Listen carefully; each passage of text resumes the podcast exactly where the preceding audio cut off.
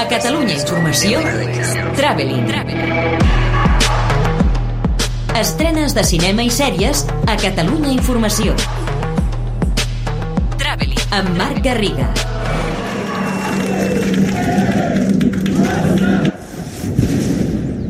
As I said, they have been issued an ultimatum. Ja toca repassar que aquí al costat, a l'altra banda d'Europa, es va produir un genocidi fa només 26 anys va ser a Srebrenica, a Bòsnia, i ara Quo Zaida ens ho recorda d'una manera crua, valenta, angoixant, honesta i molt efectiva.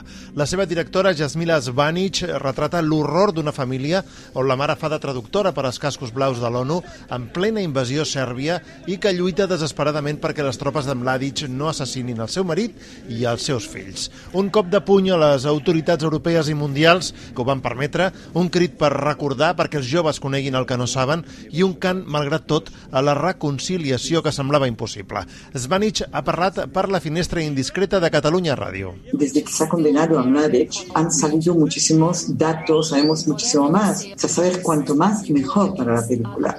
Mm, es un tema sumamente difícil para nosotros, ¿no?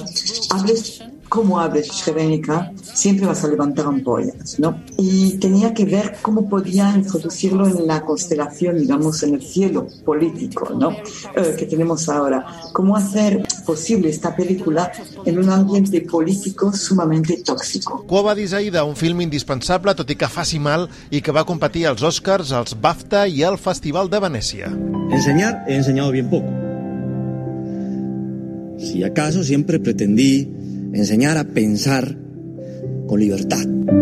Un altre film compromès amb la llibertat i la lluita pels més indefensos, consistent i emotiu, és El olvido que seremos, de Fernando Trueba, on Javier Cámara interpreta Héctor Abad, un dels grans activistes pels drets civils de Llatinoamèrica, que va ser assassinat als anys 80 després de ser l'impulsor de la sanitat pública al seu país, Colòmbia.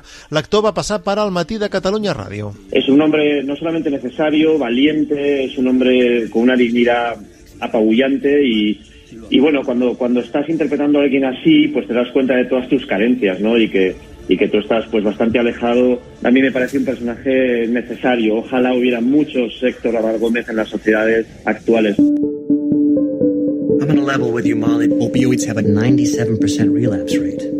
You have gone through this 15 times.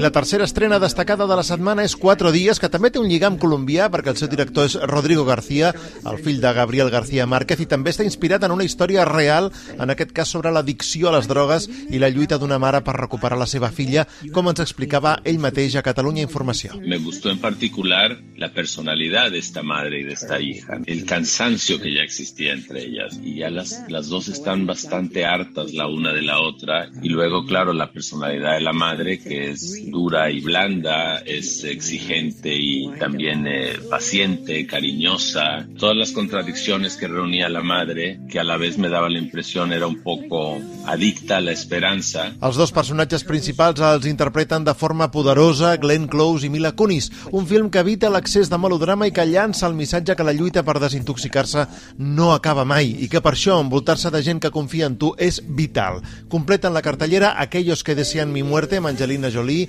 la nefasta Tiburón Blanco i la comèdia alemanya Boda sin fin sobre un casament que comença cada dia com en el dia de la marmota. When your wife suggested couples therapy, do you think this is what they had in mind? Definitely. A les plataformes arriba la inesperada tercera part de les aventures de Bill i Ted. Bill i Ted salven el universo, que arriba a Movistar Plus. Una nova oportunitat de recuperar els dos babaus mítics dels 80, interpretats per Keanu Reeves i el recuperat Alex Winter, amb nostàlgia, innocència i noblesa. Divertida, sense ser rodona, lleugera, però sobretot molt i molt optimista i alegre. A la resta de plataformes destaquen dos drames judicials, Monstruo a Netflix i Un niño culpable a Filmin.